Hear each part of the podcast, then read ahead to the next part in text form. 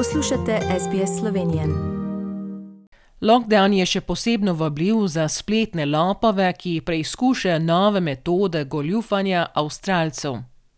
Naložbe, ljubezenska pisma in neporonani računi so le nekatere oblike prevar, s katerimi se sooča na tisoče ljudi, ki so med pandemijo ostali doma. To prilogo sta za SBS News pripravila Sofija Petrovič in Tajs Okuzi.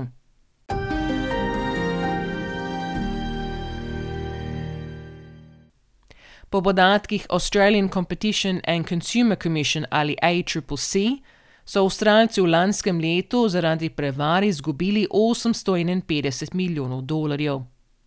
76-letnega Jeffa je ogoljufala spletna platforma za trgovanje. Oh, this dude phoned me up and said, uh, I can help get some uh, money back that you lost on uh, Trade Fred. He talked me into replicating uh, my uh, trades with Trade Fred, um, but in the end, it all disappeared.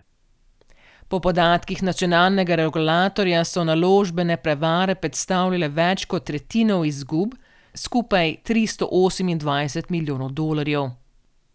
Naslednja največja kategorija so romantične prevare, ki so terjale 131 milijonov dolarjev. Dr. Cassandra Cross z Queensland University of Technology pravi, da gre za izkoriščanje na več ravneh. Fraud is all about financial gain using deceptive means. And in these particular instances, offenders essentially take on the identities of legitimate businesses and individuals in order to exploit the trust between customers and suppliers. So, in most cases, and a victim is um, required to send an amount um, of money, usually to an offender.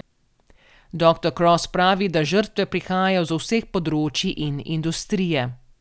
There have certainly been victims that I've spoken to in my own research across a, a, broad range of industries. I think what is important from an offender's perspective is the ability for financial gain. So, in many cases, they can target, I guess, high value transactions.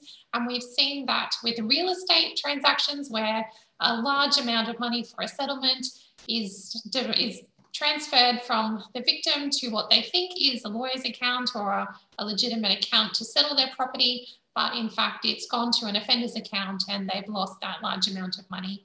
There can also be smaller amounts in terms of, I guess, if a business is compromised, um, sending out emails to um, suppliers and to customers for small amounts um, can certainly add up at scale. Prevare z lažnimi računi so še ena velika skrb za policijo, saj so terili 128 milijonov dolarjev.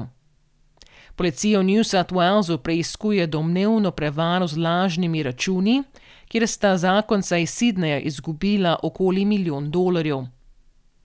Ian Wright, detektivski inšpektor policije v New South Walesu, pravi, da se je incident domnevno zgodil, ko je par denar nakazal svojemu odvetniku.